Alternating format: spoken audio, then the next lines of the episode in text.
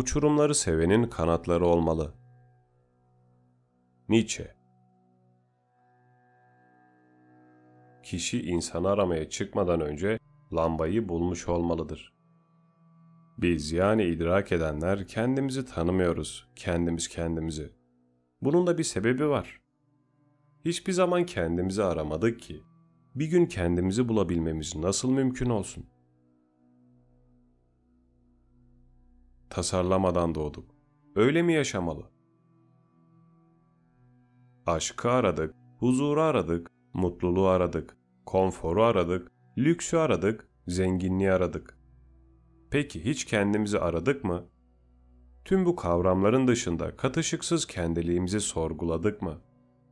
Şu an kendimize bundan 5 yıl sonrası için amacımızı, olmak istediğimiz yeri sorsak, bunun cevabını maddi bir bağlantısı olmadan verebilir miyiz? Arzu ettiğimiz o varış noktasını diğer tüm maddi kaynaklardan bağımsız ne kadar hayal edebildik? Maddi kaynaklar dediğimiz vakit akla sadece para ve zenginlik gelmesin. Örneğin aşık olmayı istemek, güvenilmek, güvenmek, saygı görmeyi istemek, takdir edilmek, beğenilmek, hizmet görmeyi istemek. Yani bir başka insana, cisme ve maddeye bağlı olan her türlü isteğimiz. Tüm bunlardan soyutlanıp kendimize ne olduğumuzu, ne için yaşadığımızı hiç sorduk mu? Bize doğduğumuz andan itibaren bir isim verildi. Bir soyadıyla doğduk. Bir milletimiz, bir milliyetimiz, bir vatandaşlığımız vardı. Zaten adımız en başta insandı. 6 yaşında okula başlanmalı. İlkokul 4. sınıfta ilk kez aşık olunmalı. Lisede meslek hayalleri kurulmalı.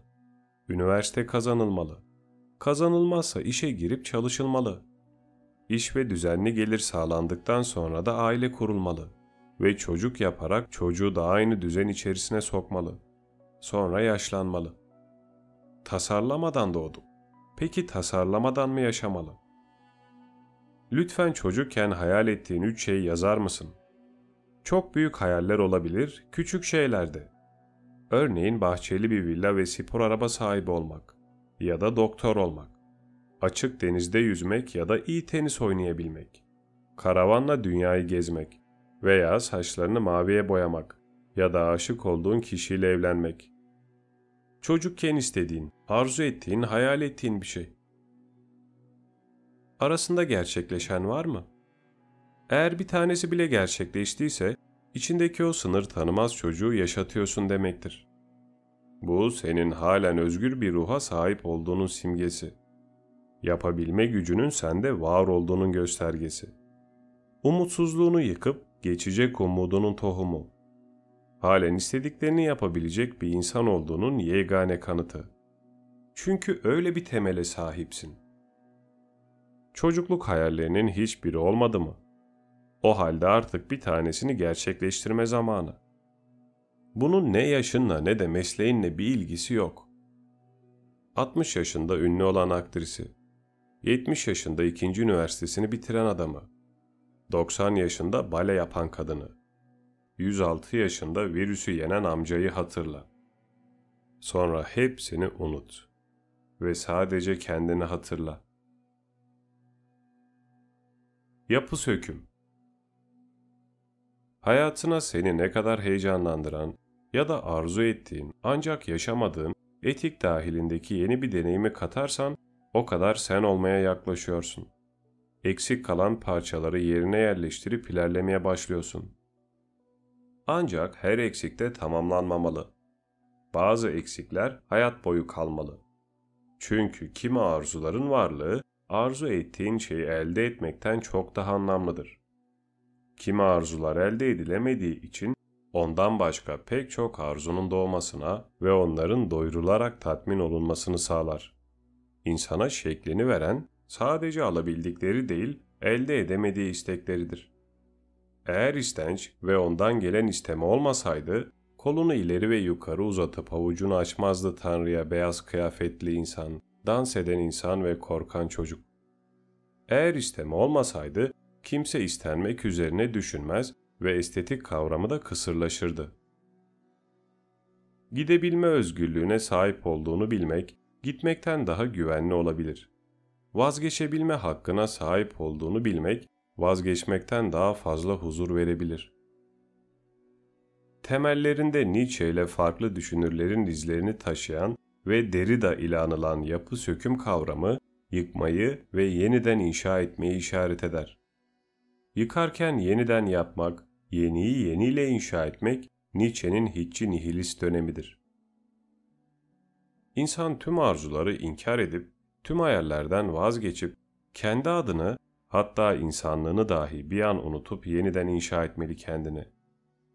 Doğadaki yerini, ekosistemin neresinde olduğunu, hangi canlı sistemlerine, hangi cansız sistemlerine dahil olduğunu, hayatın ne olduğunu, ne için yaşadığını, kendi varlığının diğer varlıklarla ilişkisini, bu ilişkilerin ona ne verdiğini ve ondan ne aldığını, ne yapmak istediğini, şu an ne yaptığını sorgulamalı ve kimliğini yeniden yazmalı insan dediğimiz var olan.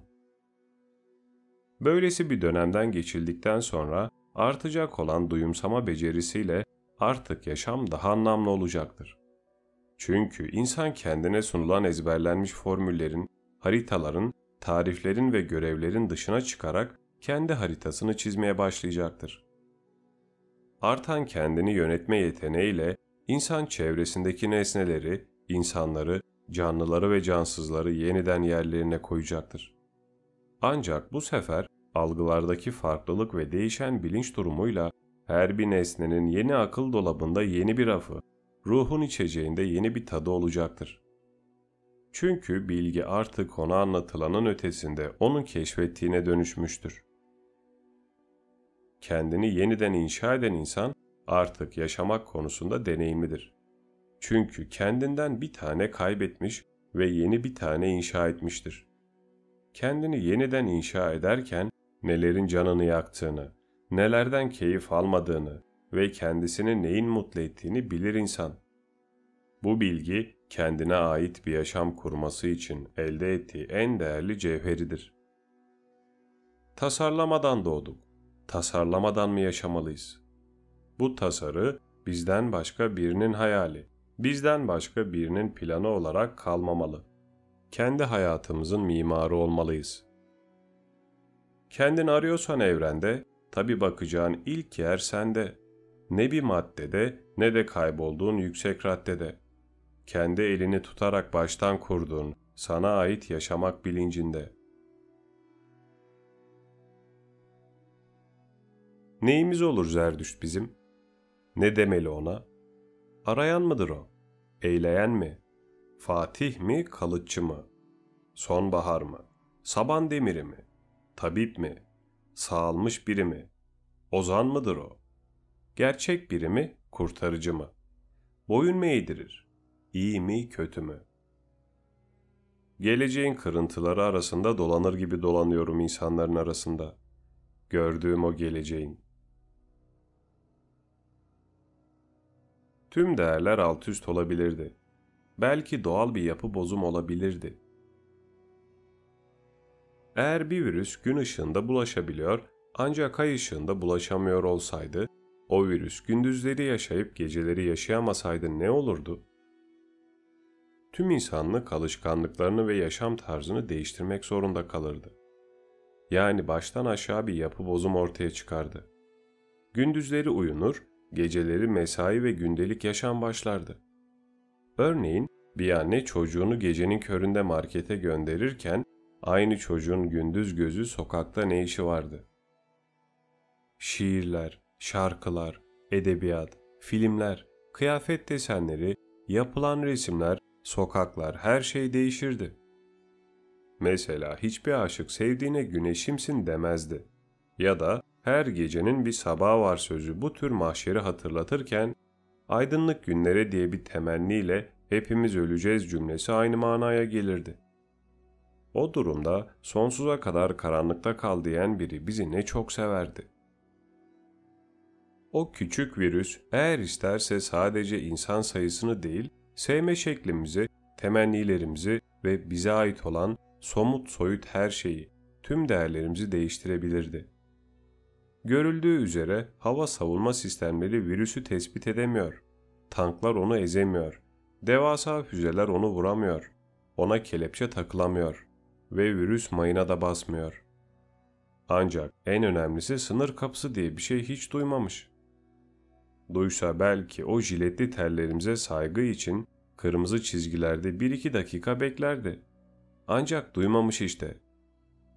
İnsanoğlu iyi ki çok gelişmiş bir ırk. Yaşamak için tüm düzeni alt üst edip yeni değerler icat edebilir ve eski değerlerine küfredebilir. Eğer yeni bir virüs ortaya çıkarsa eski düzenine geri dönüp eski değerlerine dönebilir ve yeni dediği eskimiş değerlerine küfredebilir. Önemli olan inanmak mı, hayatta kalmak mı? Yıkıp yeniden inşa etmek de böyle bir şey. Şartlar ne kadar değişirse değişsin, şartlara değil, kişinin özüne hitap edebilecek mükemmeli bulmak arzusu. Ancak o mükemmel bulunamaz. Onu aramaya devam edildiği sürece sadece ona en yakın noktaya gelinebilir. Efkarlı melankolik insanlar, diğerlerini daha melankolik yapan şeylerle, nefret ve aşkla hafifler. Bir süre için yüzeylerine çıkarlar. Benden daha üzgün olman beni mutlu etmemeli. Plamba ne Türkiye'li, ne İngiltereli, ne Afrikalı, ne de Amerikalıydı. Dünyalı bile olduğu şüphe götürürdü. Sürekli üzgündü, sürekli düşünceli, sürekli melankolik. Camdan dışarı bakıp derin nefes alıyor, sonra başını öne eğiyordu.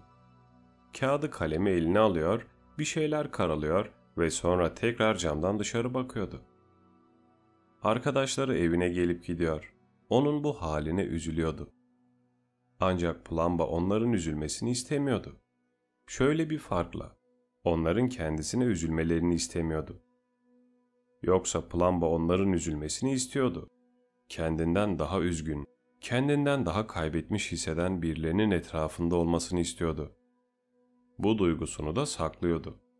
Kendine bile itiraf edemiyordu.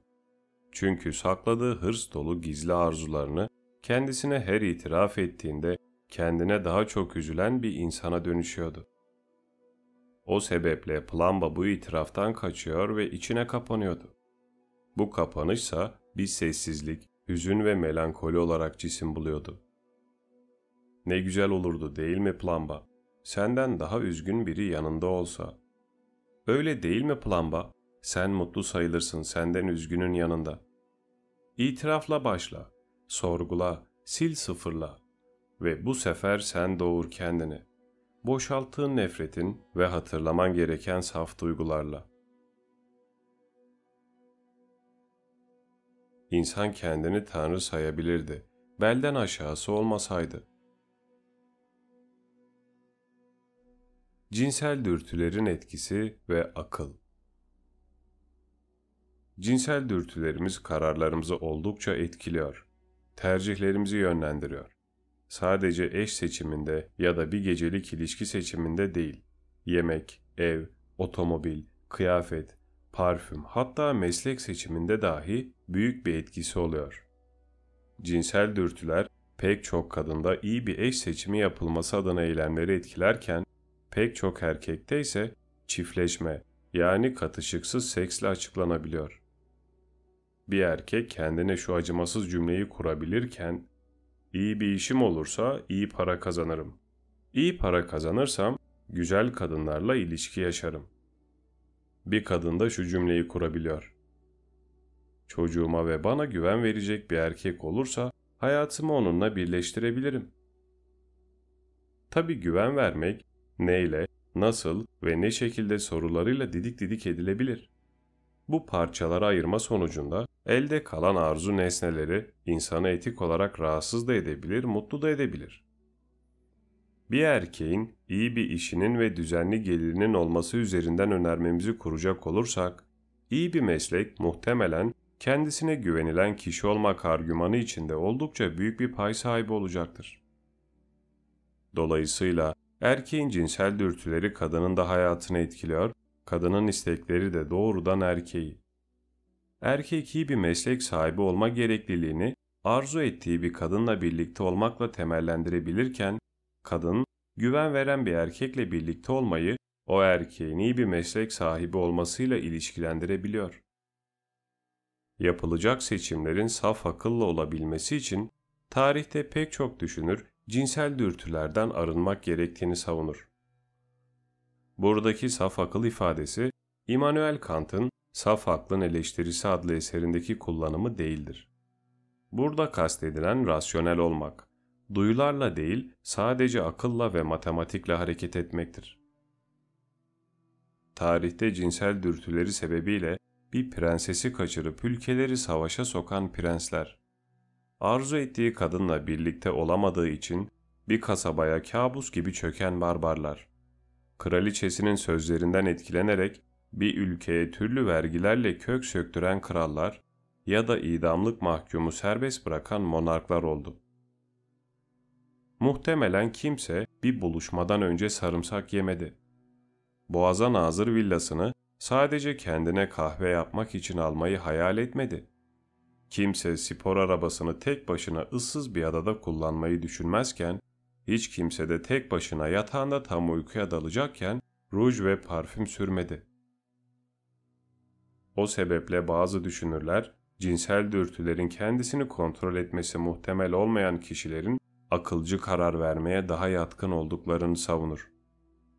Toplumların nasıl yönetildiğine bakıldığında da başkanlık, krallık, danışma kurulları, temsil ve yönetim kapasitesi yüksek mevkilerin yaş almış kişilerden oluştuğu izlenebilir.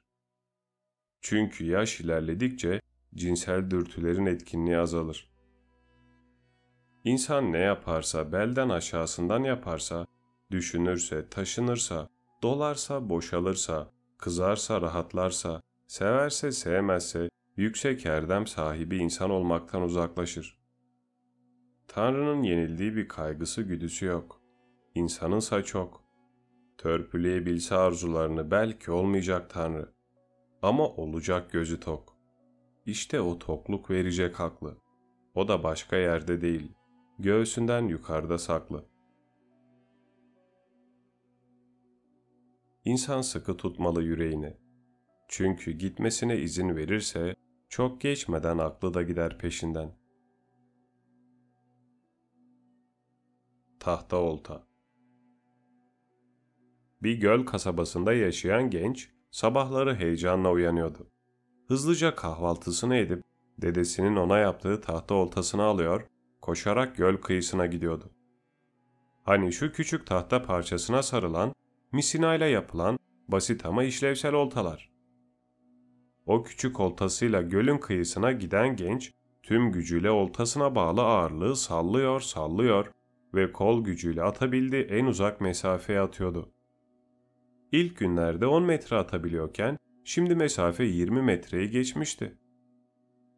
Oltasını sallayıp gölün en uzağına atma hayalleri her gece yatağında ona dünyanın en güzel uykusunu tattırıyor. Bu hayalle uyanıp göl kıyısına koştuğunda her gün kendini yeniden sınıyor ve geçmeye çalışıyordu. Hele ki o basit oltasına bir balık vurursa, hele ki o balığı bir de yakalarsa, hele ki o yakaladığı balığı dedesine kızartırsa ondan mutlusu olamazdı. Diğer arkadaşlarının uzun saplı, otomatik makaralı, bir salladı mı ağırlığını belki 100 metre uzağa atabilen oltalarının yapamadığını bu küçük tahta oltasıyla yapıyordu o genç. Bu ne büyük bir zaferdi. Bu ne büyük bir heyecan ve hayata dair sevgiydi. Ya verdiği kendine güven hissi? O küçük tahta oltanın sebebi kendine ait ve sadece onunla baş başayken ortaya çıkardığı o aşkın his bir şerbete dönüşüyor ve ılık ılık akıyordu ellerinden içeri, boğazından yukarı. Tüm vücudunu dolaştıktan sonra kalbinde konaklamaya başlıyordu. Kalbinin konukseverliği yüzündeki gülümsemesinden belliydi. O ne güzel bir histi. Aradan günler geçti. Talih bu sefer pek de gülmedi. Balık tutmak bir kenara oltasına rüzgar bile değmedi. Gencin arkadaşları büyük paralar harcanmış, uzun boylu silahlara benzeyen, bir atışta 8-10 balığı yakalayabilen teknoloji ürünü oltalarıyla sanki birer mekanize taburuna benziyorlardı. Yüzleri gülmüyordu. Heyecanlı da sayılmazlardı. Umutlu olmalarına gerek yoktu. Çünkü zaten balık tutma ihtimalleri çoktu. Genç günlerce, haftalarca tek bir balık bile yakalayamayınca arkadaşları onu etkiledi. O da kendine uzun bir olta almaya karar verdi. Dedesinden harçlık aldı, üzerine para kattı. Koşarak kasabaya indi. Uzun oltasını aldı. Çeşitli ağırlıklar, mantarlar, tüyler, türlü türlü yemler. Küçük tahta oltasını ise kömürlüğün arkasına attı. Dedesi bunu gördü. Üzüldü. Tahta oltayı gizlice oradan aldı. Gence de bir şey sormadı. Genç göl kıyısına gitti. Oltasını açtı, açtı, açtı. Neredeyse iki metre boyundaki oltasını sapından tuttu ve demirini göle attı. İlk denemesinde hemen önüne düştü. Bunu gören arkadaşları ona güldü. Hayret, arkadaşları ilk kez gülüyordu. Hepsi de alay etmek içindi.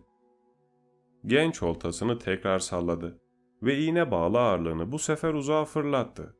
Aradan birkaç dakika geçtikten sonra balıklar misinaya vurmaya başladı. Çok geçmeden bir sürü balık yakalayan genç balıkları tutup arkadaşlarına baktı. Yüzünde gülümseme değil hırs vardı. Eve götürdü, dedesine güzel yemekler yaptı. Ancak dedesi fark etti. Genç gülmüyordu. Gencin yüzünde neydi belirsiz bir muhtemel suçlu tutkusuz yargılanıyordu. Dedesi sustu, bekledi. Gencin rengi soldu, havası bozdu, hevesi değişti. Dede gence, daha fazla balığın olsun istiyorsan al şu parayı halden balık al. Hem balık yakalamak için uğraşmaz yorulmazsın. Arkadaşlarına da her akşam yediğin balıkları anlatırsın dedi.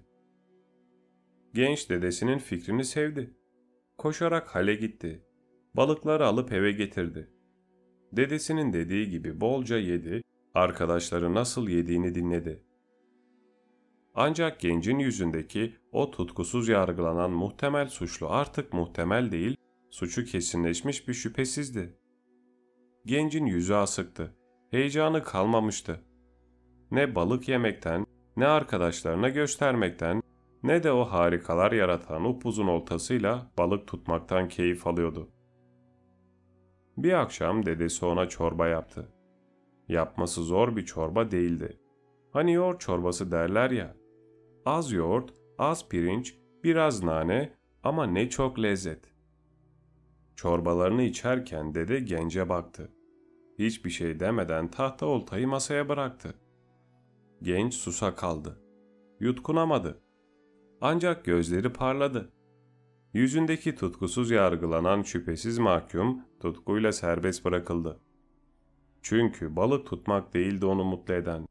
Olmaz denene kafa tutmaktı. Küçük bir hayali umutlanmak, kendi karşısına kendini alıp tutkulanmaktı. Sımsıkı tutmaktı kalbini ama sıkmamaktı. İnsan tutmalı yüreğini, heyecanlarını, umutlarını, kalbinde olanı. Küçücük bir şey yaşama sevinci verirken çok daha büyüğü elinden alabilir o mutluluğunu. İnsan yüreğini bırakırsa aklı da gider peşi sıra. Kaybeder kalbindeki o saf duyguyu, değerleri de onunla. Maymun şu anki insan için neyse, insan da üst insan için odur. Nietzsche'nin sivri köşeleri ve süper insan 1883 yılında Nietzsche böyle buyurdu Zerdüşt adlı eserinde üst insan kavramını ortaya atmıştır. Bu kavram insanın gelebileceği ütopik bir noktaya işaret eder. Ancak bu noktaya gelen insan gözlerinden ışın çıkaran, görünmez olabilen ya da uçabilen bir insan değildir. Üst insan bugünkü insandan ileri olan insandır. Bugünkü insan için maymun neyse üst insan için de bugünkü insan odur. Bugünkü insan henüz evrimini tamamlamamıştır. Peki Nietzsche, evrimi tamamlamak diye bir şey var mıdır?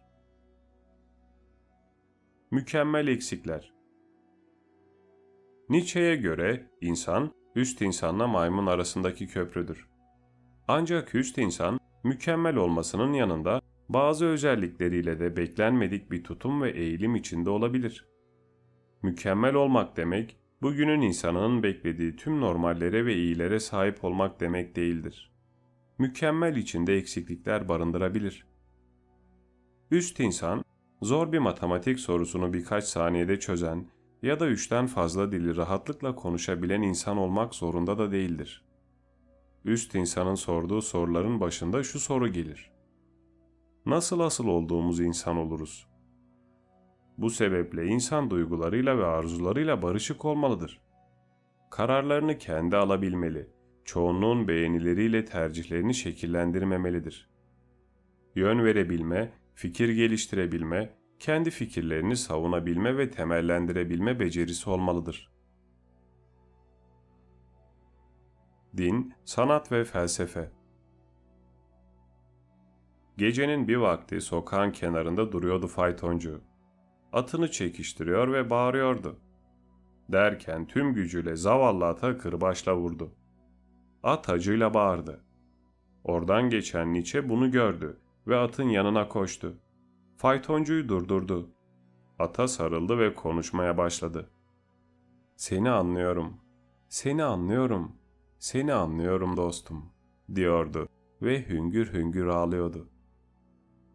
Nietzsche Hristiyanlığın insanlar için bir uyuşturucu olduğunu düşünür. Ona göre doğaya yakın olan pagan dinler insan için daha uygundur. Tabi kimileri pagan dinler ifadesinin doğru olmadığını, paganın bir din değil, kültür ve kültürler silsilesi olduğunu ifade eder. Pek tabi ikisi de birbirini etkiler. Din kültür, kültür din. Nietzsche'ye göre Avrupa toplumunu uyuşturan iki tür uyuşturucu vardır.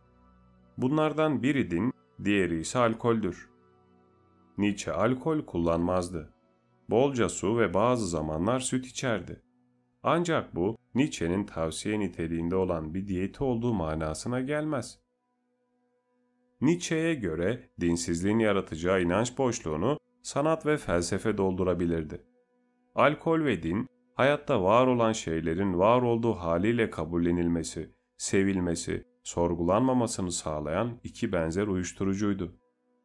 İkisi de insanı olan bir şeyin iyi de olsa kötü de olsa olduğu haliyle mutlu etmesini sağlardı. Peki Nietzsche, mutlu olmakta kötü olan ne vardı? Nietzsche hayatta olsaydı muhtemelen bu sorumuza şöyle cevap arardı. Mutlu olmak değil, gerçeğe ulaşmak. Kusursuz olmak değil, kusurlu olan mükemmeli aramak. Yani iyi olan katışıksız iyi, kötü olan da katışıksız kötü olmayabilirdi. Mutlu olmak, içinde mutluluktan başka hiçbir şeyin olmadığı bir duygulanım değildi. Açlık, Herakleitos'un dediği gibi tokluk olduğu için var değildi. Nietzsche'ye göre açlık içinde tokluğu da barındırıyor olabilirdi. Islahın içinde kuru, yaşayanın içinde yaşamayan durabilirdi. Ahlak Üst insan, kıskançlıktan arınmış, ahlakını toplum normallerine göre düzenlemiş bir insan olmak zorunda değildi. Cinselliği geleneksel kalıpların dışında olabilirdi. Hatta ona bu yönüyle ahlaksız dahi denebilirdi. Çünkü cinsellik insana daima ahlaksızlık olarak öğretildi. Ancak üst insan kendi yolunu inşa etmeli ve arzuları adına savaşabilmeliydi. Arzular İnsan arzuları adına savaşmalıydı da. Ancak doğmalar, insana asıl olmasını arzu ettiği kişiliği için savaşmak yerine elinde olana razı olmayı ve onu överek sevmeyi öğretti. Bu ise kendi olmak değildi. Bu üst insan olmak için çok uzak bir düşünmeyiş ve eylemsizlikti. Arzuların en arılaştırılmış ve anlaşılır hali anlamlı eylemi düzenlerdi. Kıskançlık Kıskançlık bize daima kötü bir şey olarak öğretildi.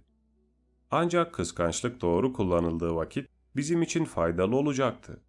O, amaçlarımıza ulaşmak ve istediğimiz ülkeye varmak için bize yol gösterici bir rehber olabilirdi.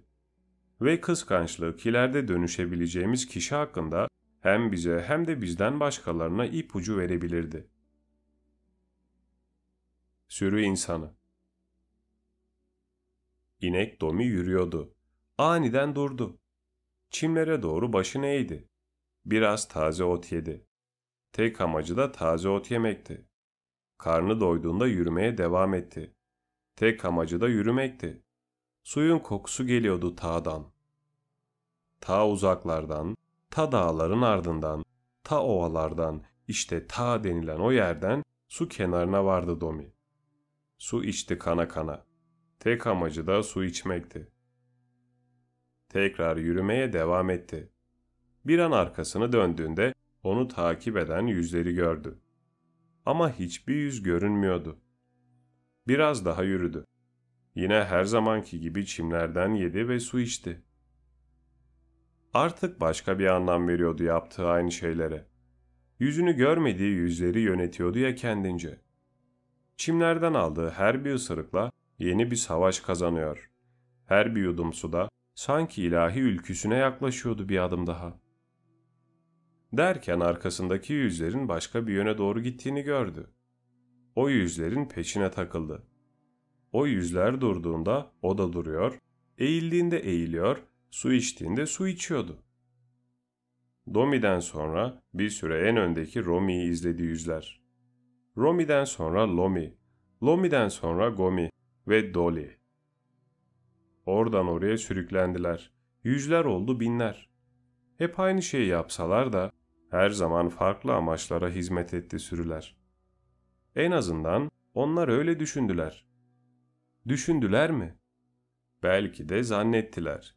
Hiç düşünmediler. Zayıflar bizi kendi gücümüzden utanmaya zorladıkları için kazanırlar. Kendinden utandırmak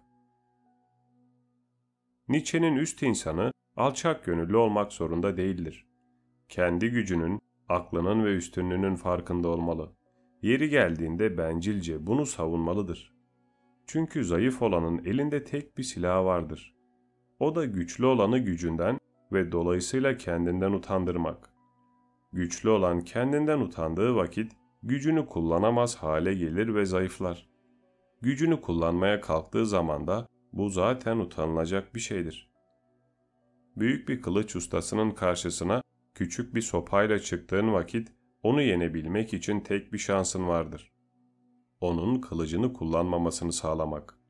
Sopayla ilk vuracağın yer kılıcı tutan elidir. Düşman önce silahını düşürmelidir. Hey sen, elinde küçücük bir sopa olan birine kocaman bir kılıç sallamaya utanmıyor musun? Eğer utanmıyorsa elbette yenecektir. Dürüstlük üzerine Nietzsche'nin ahlak, etik, eylem, düşünme, normal ve anormal üzerine fikir yürütme şekline bakıldığında oldukça cesur ve sivri köşeli olduğu akla gelebilir.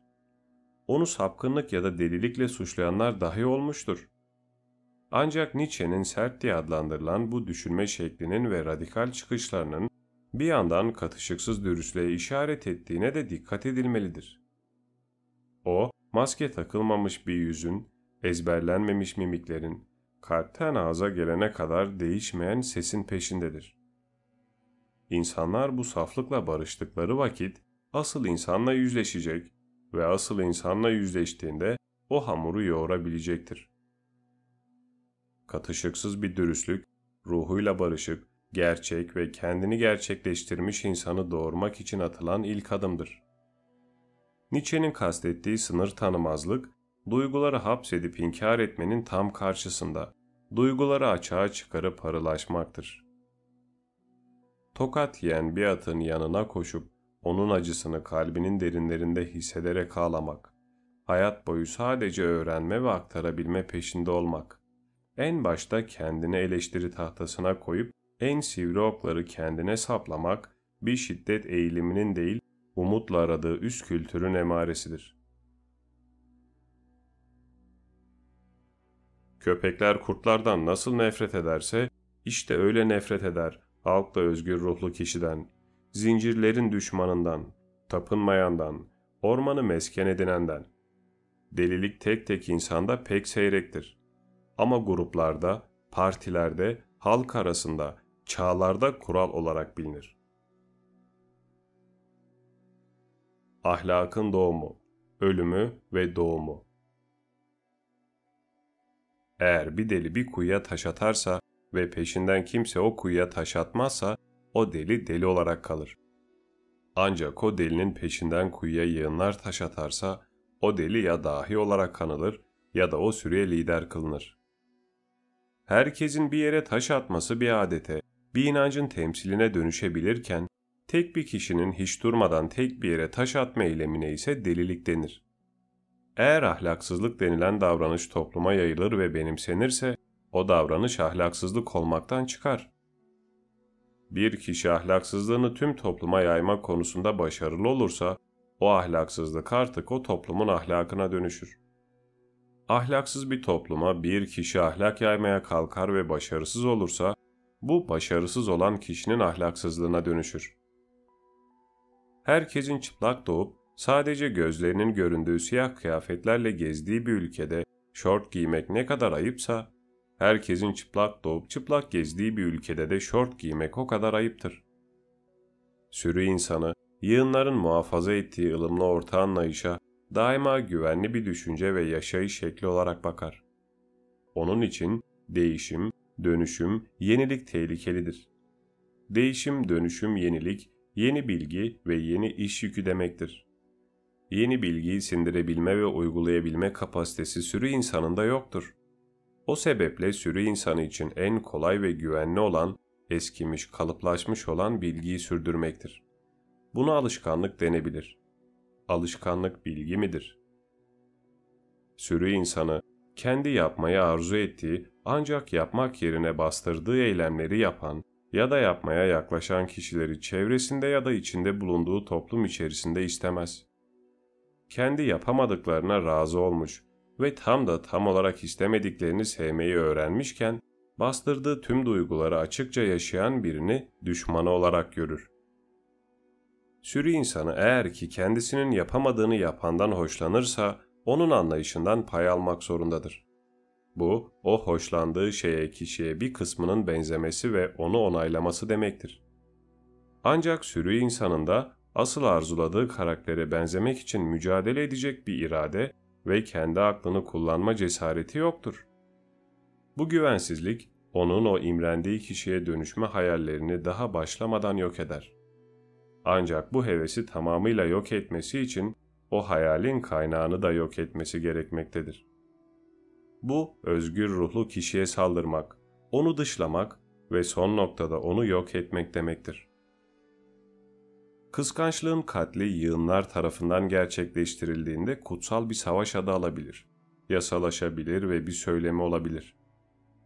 Gelinen noktada tek bir özgür ruhun aklı sebebiyle ölümü gerçekleşirken, yığınların deliliği ve bu deliliği sebebiyle şiddeti onaylanır, resmileşir. İnsan bir başkasına ilettiğinde artık bilgisini yeterince sevmez olur. Bilginin verdiği güven İnsan sadece kendi bildiğini düşündüğü ve onu özel hissettiren bir bilgiyi paylaştığı vakit kendini özel hissetmemekten korkar. Sanki o bilginin kullanılacağı en iyi anı kollar. Bir başkasının bilmediği bir şeyi biliyor olmak, kendini özel özgüvenli ve yeterli hissetmeni sağlıyorsa ne kadar çok bilirsen o kadar kendine güveneceksin demektir. Bilgi kendine güveni sağlar. O halde bu kendine güvenin sebebi tek bir bilgiye tutunmamalı. Bilgiyi artırmalı ve fütursuzca paylaşmalı. Bilgisini başarıyla paylaştıkça bilgisinin doğruluğunu ve yeterliliğini kendine ispat eder insan. Kendini daha yetkin ve bilgin sayar. Ancak bu bilginlik onun bilgiye daha da acıkmasını sağlar. Bildikçe ne kadar az bildiğini bilir ya insan. Daha çok bilmeyi ister. Daha çok bildikçe başarıyla paylaşır ve kendini daha çok sever. Sonra yine aç hisseder, yine bilmek ister ve yine aç hisseder ve yine bilmek ister. Bu zincirin halkalarıdır ve daima birbirine bağlıdır.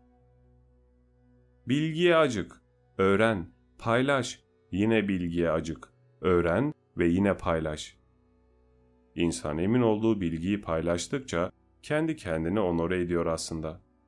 Tatmin oluyor bedeni ruhunda. Bir başkasına ilettiği bilgiler eskiyor tabi ve eskisi kadar parlamıyor belki. Ama işte o vakit bilgiye açlık yeniden başlıyor. Eğer bilgiyi severse insan o tatmin süreklilik kazanıyor. Yeniden parlayan yeni bilgilerle yeni bir amaca yöneliyor. Yeniden ve yeniden. Okyanusun ortasında susuzluktan ölmek korkunçtur. Kendi hakikatinizi tuzlamak zorunda mısınız? Böylece artık bir daha susuzluğunuzu gideremeyesiniz diye. Gerçekleri görmemeyi istemek. Önce gözlerini kapatıyor, sonra da görememekten şikayet ediyorsun. İnsan bazen görünür gerçeklere gözlerini kapatır ve gözleri kapalıyken gerçekleri görememekten şikayet eder. Görmemenin kendisi için daha güvenli olduğunu düşünürken bir de üzerine göremiyorum diye itiraz eder. Öyle apaçık ortada dururken inkar eden sendin gerçeği. Şimdi gerçeğe açlığını nasıl doyurabilirsin? Karnın açken yemeğine zehri koyan sendin. Şimdi o yemeği yiyemediğinden niçin şikayet edersin? Bazen bir politik rüzgara ya da erk sahibine kaptırır insan kendini. Masadaki en güçlü kişinin yalan da olsa sözlerinin arkasında durur ve destekçisi olur. Ancak o kişi masadan kalktığında ilk şikayet eden kişi de yine kendisi olur. Çünkü o masadayken çürümüş yemekten en çok o yedi ve o yemeği yemekle kalmadı, etrafa saçtı. O yemeği yapan oradan gidince ilk kusanda tabii ki en çok yiyen oldu.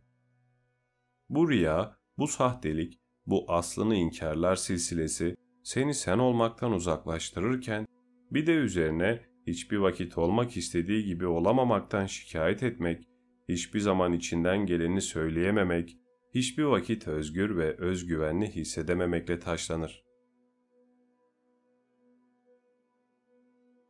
Pis suyla yıkanmak kirli kalmaktan iyidir. İyi niyet Yıkanmanın amacı hiçbir vakit kirlenmek değildir. Kendini kirli hisseden biri pis bir suyla dahi yıkanıyorsa amacı temizlenmek en azından olduğundan daha az kirli olmaktır. Bu iyi niyet en başta temizlemesi gereken şeyi temizlemiştir.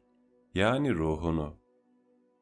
İçi kirli birinin niyeti hiçbir vakit temizlenmek olmasa, buna rağmen tövbeler etse, dua etse, günah çıkarsa ya da itiraf etse, eylediği suçu tekrar eyleme ihtimali yüksek değil midir? İçi kirli birinin niyeti tamamen temizlenmek olsa, hiç tövbe etmese, dua etmese, günah çıkarmasa, ancak inanarak çok üzgünüm diye tek bir söz söylese, eylediği suçu tekrar eyleme ihtimali yüksek midir? Bazen küçücük bir özür paradan puldan, diz çöküp yalvarmadan, sözden, sükunetten çok daha önemli, çok daha güvenli, çok daha gerçektir. İnsan bir yıl boyunca yalnızlığa çekilirse gevezeliği unutur konuşmayı öğrenir. Hangi dili konuşuruz? Konuştuğumuz dil hisleri tarif etmek için mi yoksa gizlemek için mi icat edildi? İnsana nasıl duygularını ve isteklerini anlatan şey nedir? Günümüz kuantum mekaniğinden de ilham alarak Nietzsche üzerinden bir yorumla yaklaşalım. İnsan kendini katı bir form olarak görür ve öyle olduğunu düşünür. Bu doğaldır. Çünkü aynaya baktığında etten, kemikten bütün bir canlı görür. Ancak insan tek tek hücrelerden meydana gelmiş büyük bir enerji topudur. Her bir canlı hücre içerisinde atomlar ve atomlarında da bir elektrik yükü vardır. Washington Eyalet Üniversitesi'nden farmakolog Profesör Steven Simasko, insan vücudundaki hücrelerin ürettiği elektriğin 40 wattlık bir ampulü aydınlatabileceğinden söz eder. İnsan aynaya baktığında kendini ne kadar bütün halinde görürse görsün, onu oluşturan atomların çekirdekleri etrafında dönen elektronları ve bu elektronların çekirdekle arasında bir boşluğu bulunmaktadır. Ve bu boşluk öyle azımsanacak bir boşluk değildir. Yukarıdaki örnek atomun şeklini anlatabilmek için simgelerin büyük bir şekilde resmedildiği bir örnektir. Atom çekirdeğini bir misket olarak düşünelim. O misketi bir futbol sahasının ortasına koyalım. O futbol sahasının kenar çizgileri elektronların döndüğü yörüngesidir. Yani sahayı sınırlayan çizgiler atomun sınırlarıdır. Misket atom çekirdeği ise futbol sahası atomun kendisidir. Atom çekirdeği atomun yaklaşık yüzde binde biridir. İnsan koca bir boşluk. Ortalama bir insanda 40 trilyon hücre, her bir hücrede ise 100 trilyon atom bulunur. Buradan bakıldığında o hayret verici bilgiye ulaşmak üzereyiz. Evet, bir insanın neredeyse %99.99'u boşluktur. Şöyle düşünebilirsiniz. Eğer insandan o boşluklar alınabilseydi, insanı bir fındık tanesinin içine sığdırabilirdik. Bu sadece insan için geçerli değil. Evrendeki bilinen tüm canlı ve cansız varlıklar için de geçerli. Tüm var olanları oluşturan atomlar ve o atomların bir atom çekirdeği vardır. Bu da demektir ki tüm var olanların %99.9'u boşluktur. Bir cisme ya da canlıya görünen şeklini verense atom çekirdeklerinin etrafında dönen elektronlarının ortaya çıkardığı orbitallerdir. Elektron bulutlarıdır. Şöyle düşünebiliriz. Bir uçağın pervanesi duruyorken küçük bir yer kaplar. Elimizi onun önünden ve yanlarından uzatabilir ve uçağa dokunabiliriz.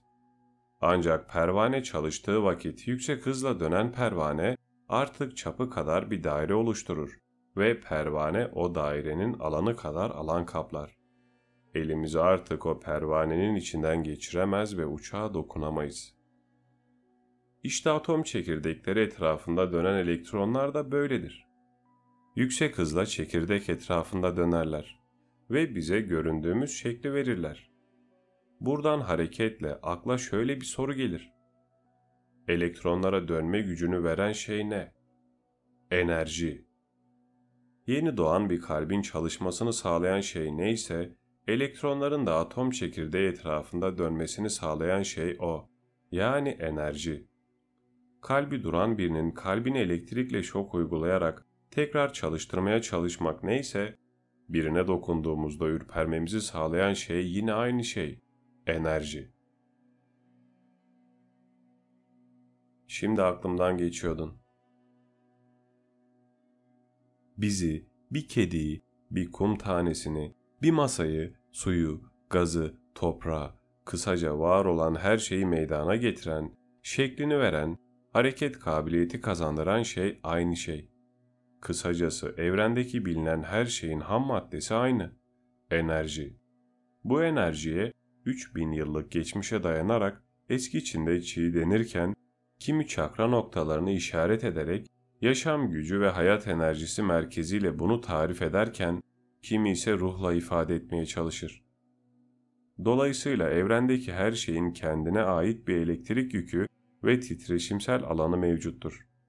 Bu tüm var olanların birbiriyle bir bağlantısı, bir etkileşimi, bir iletişimi de mevcut olduğu anlamına gelir.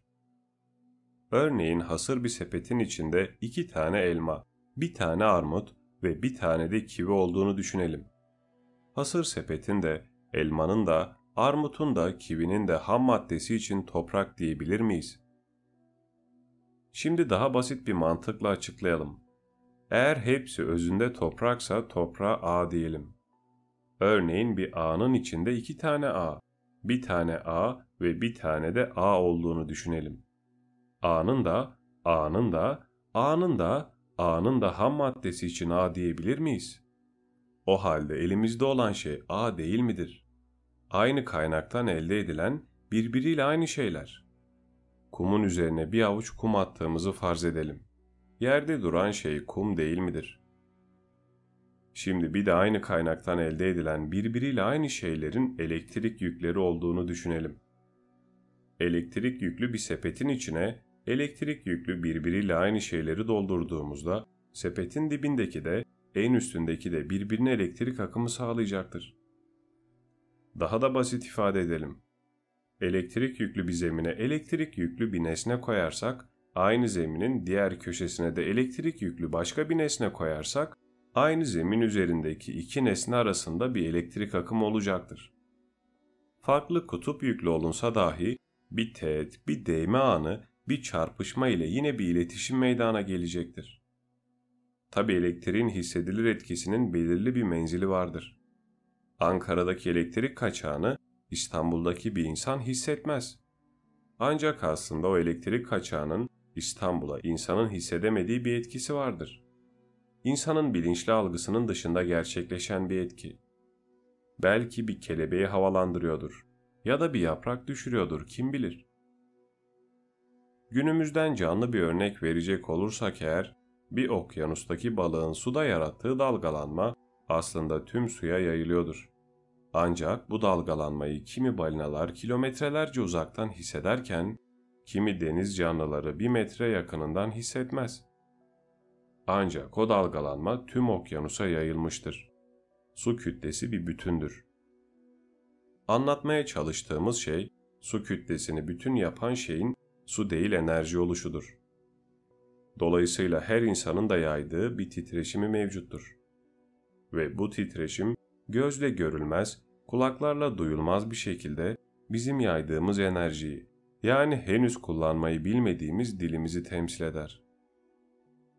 Hiçbir sebep yokken içimize kötü bir hissin doğması anında ya da bizi telefonla arayan birine şimdi aklımdan geçiyordun dediğimiz anda aslında hissettiğimiz bir enerji vardır.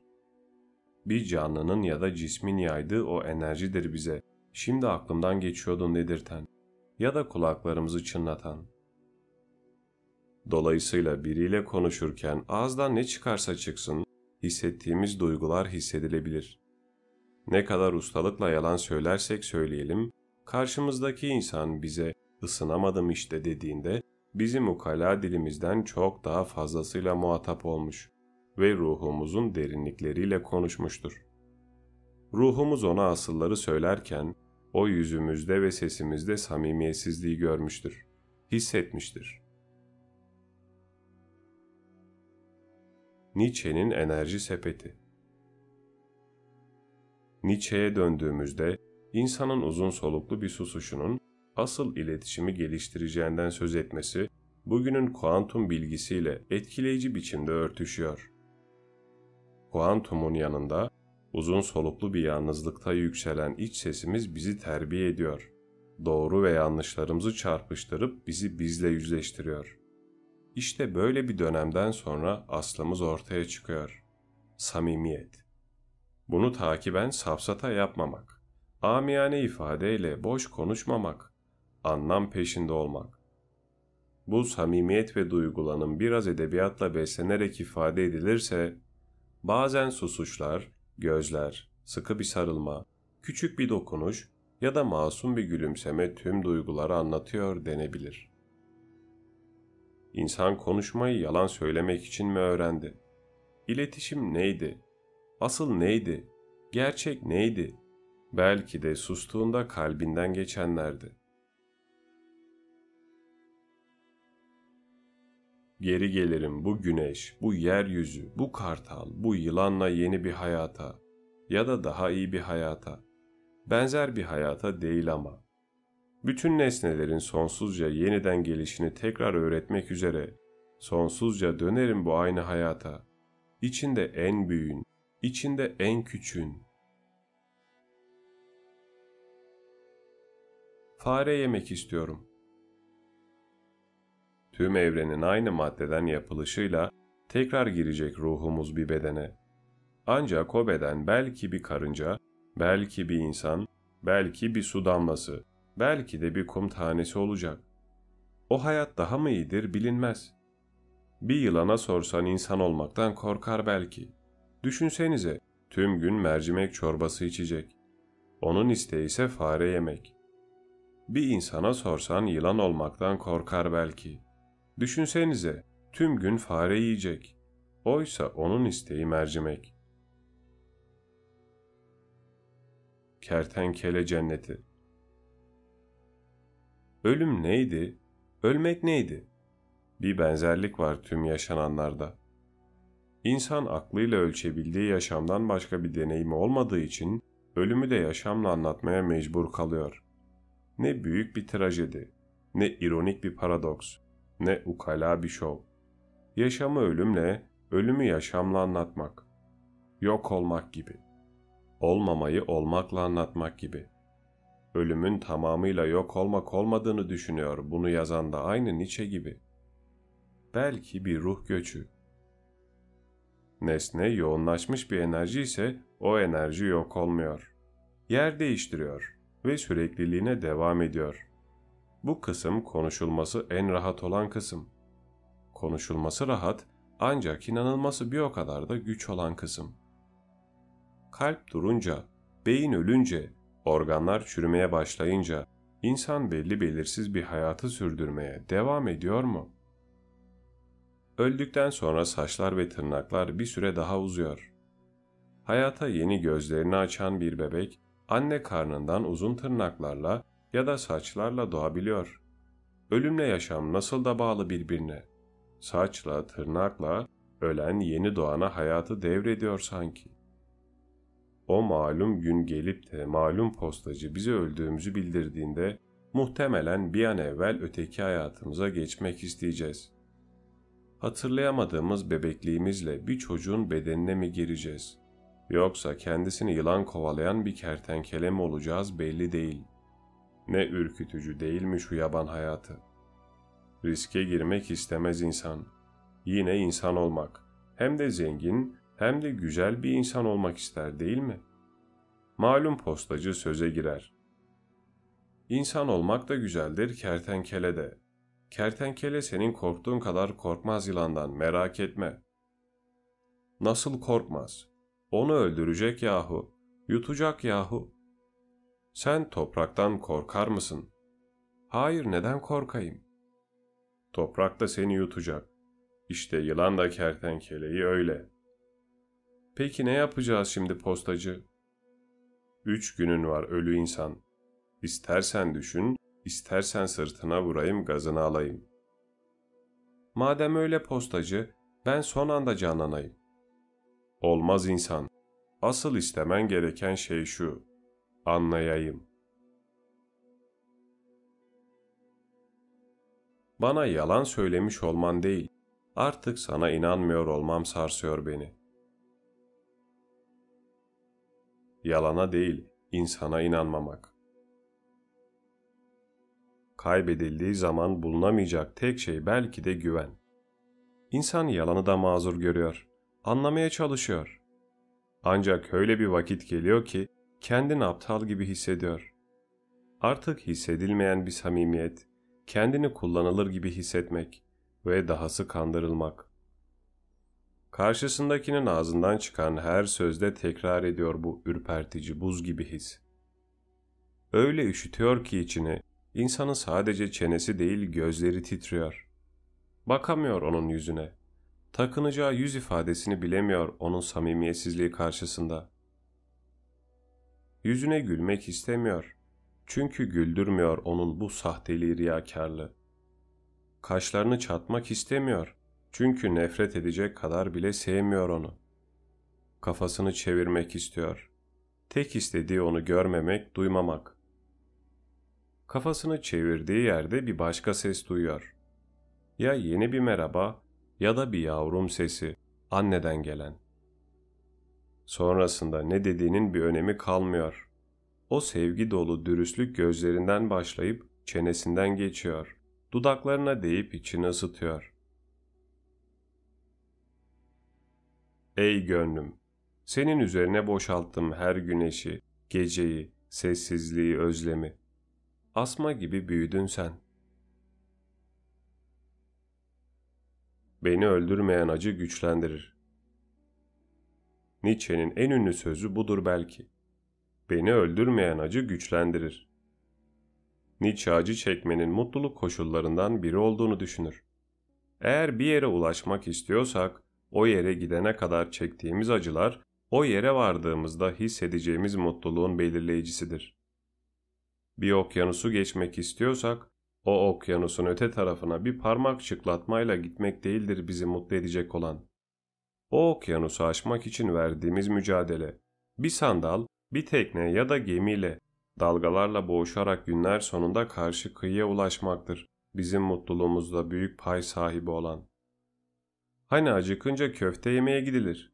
Yol uzadıkça uzar. Uzadıkça da o köfte tatlanır. Halbuki el tezgahında yapılan ucuz malzemeli basit bir köftedir o. Ya da güzel bir makarna ve salata hem de vegan. Dağın zirvesine çıkmak isteyen dağcı için onu bir helikopterin zirveye bırakması değildir zafer. Zafer amaca ulaşıldığında ona ulaşmak için çekilen kahırdan beslenir. Yaşanan her acının, sevincin, özlemin, korkunun, kederin mutluluğumuzda payı vardır. O acılar sevincin tohumudur. Düşen yapraklar büyüyen fidanların canıdır. Kendinden çok söz etmek, kendini gizlemenin bir yoludur. Kimi insan diğerlerinin kendisi hakkındaki fikirlerini şekillendirmek için yüksek sesle ve sık sık kendinden, kendi diliyle ve yargılarıyla söz eder karşısındakine. Bunu yapan, onu dinleyeni kendi iç sesiyle baş başa bırakmamak için uğraşır. Öyle yüksek sesle bahseder ki kendinden, bir süre sonra kendini gürültüye dönüştürdüğünün farkına bile varmaz. Bir yerde susulmazsa, kendi gürültüsünden kendini duymamakla başlayan süreç, kontrolünü tamamen yitirmeye kadar ilerler. Bu bir güvensizliktir. İnsan hangi yanını sürekli övüyorsa o yanı zayıftır aslında. Kişi övdüğü yanının yetersizliğini biliyor. Olumlu bir ön yargı oluşturmak için övüyordur. Bu yargıyla sanır ki o yanı artık karşısındaki kişinin nezdinde çok güçlüdür ve o kişi o yanına asla saldıramaz. Eleştirmekten çekinir. Yani o insan zayıflığını güçlülüğü gibi gösterip öyle inandırmaya çalışır. Çok zaman kendi bile bunun farkında değildir ve anlattıklarına kendi de inanır. Halbuki masaya yatırdığında benliğine güçlü bir ışık tutuyor ve onu dinleyene de eliyle bir neşter uzatıyordur. En kötüsü neşterin ilk vurulacağı yeri de yine kendi eliyle gösteriyordur. Uçmayı öğretemediğinize düşmeyi öğretin. Başaramamaktan korkma. Eğer kişi başaramıyorsa, başaramadığı şeyin onu üzmesine izin vermemeli. Umudunu kaybedip hayata küsmemeli. Asıl acı veren başaramamak değil, asıl acı veren başarısız hissetmektir. O hissin bizi yıkmasına izin vermek, hayallerimizi elimizden alıp bizi umutsuzluk çukuruna gömmesine izin vermektir. Nasıl düşeceğini bilirsen, yüksekten düştüğünde canın acımaz, bacağın kırılmaz. Tekrar ayağa kalkar ve yine denersin. Tekrar düşsen de yine kalkar ve yine denersin. Elbet bir gün onu yenersin. Uçurumları sevenin kanatları olmalı. Amaca ulaşmak eğer bir amaca ulaşmak istiyorsak, o amaca hizmet edecek bilgi sahibi olmamız gerekir. Saklambaç oynamak isteyen bir çocuğun, saklambacın kurallarını bilmek zorunda olması neyse, doktor olmak isteyen birinin biyoloji bilmesi de odur. En uç hedeflere dahi ulaşmak için her gün bir şey yapıldığından emin olunmalı. Her gün yapılan o küçük şey bir zaman sonra birikecek ve bizi o amaca uçuran kanatlarımıza dönüşecek. Üniversiteyi kazanmak isteyen çocuğun 365 gün boyunca her gün tek tek okuduğu cümleler, çözdüğü sorular o adımlardır. Hiç kimse uzak bir şehre bir adımda varamaz. Belki yüzlerce, belki binlerce adım atar oraya varmak için.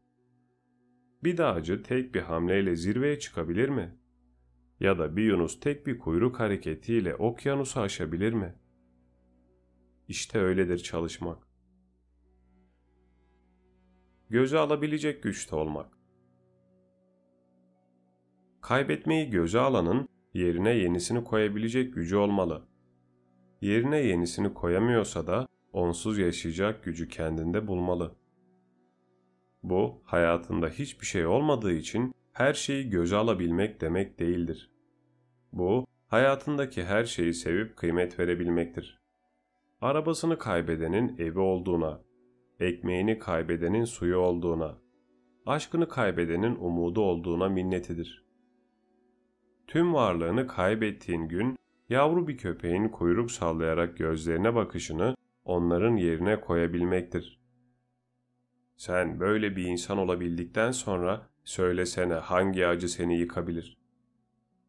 Korkmamak için de, tehlikeyi ve riski göze almak için de insanın başına ne gelirse gelsin yıkılmayacağına inanması gerekmez mi?''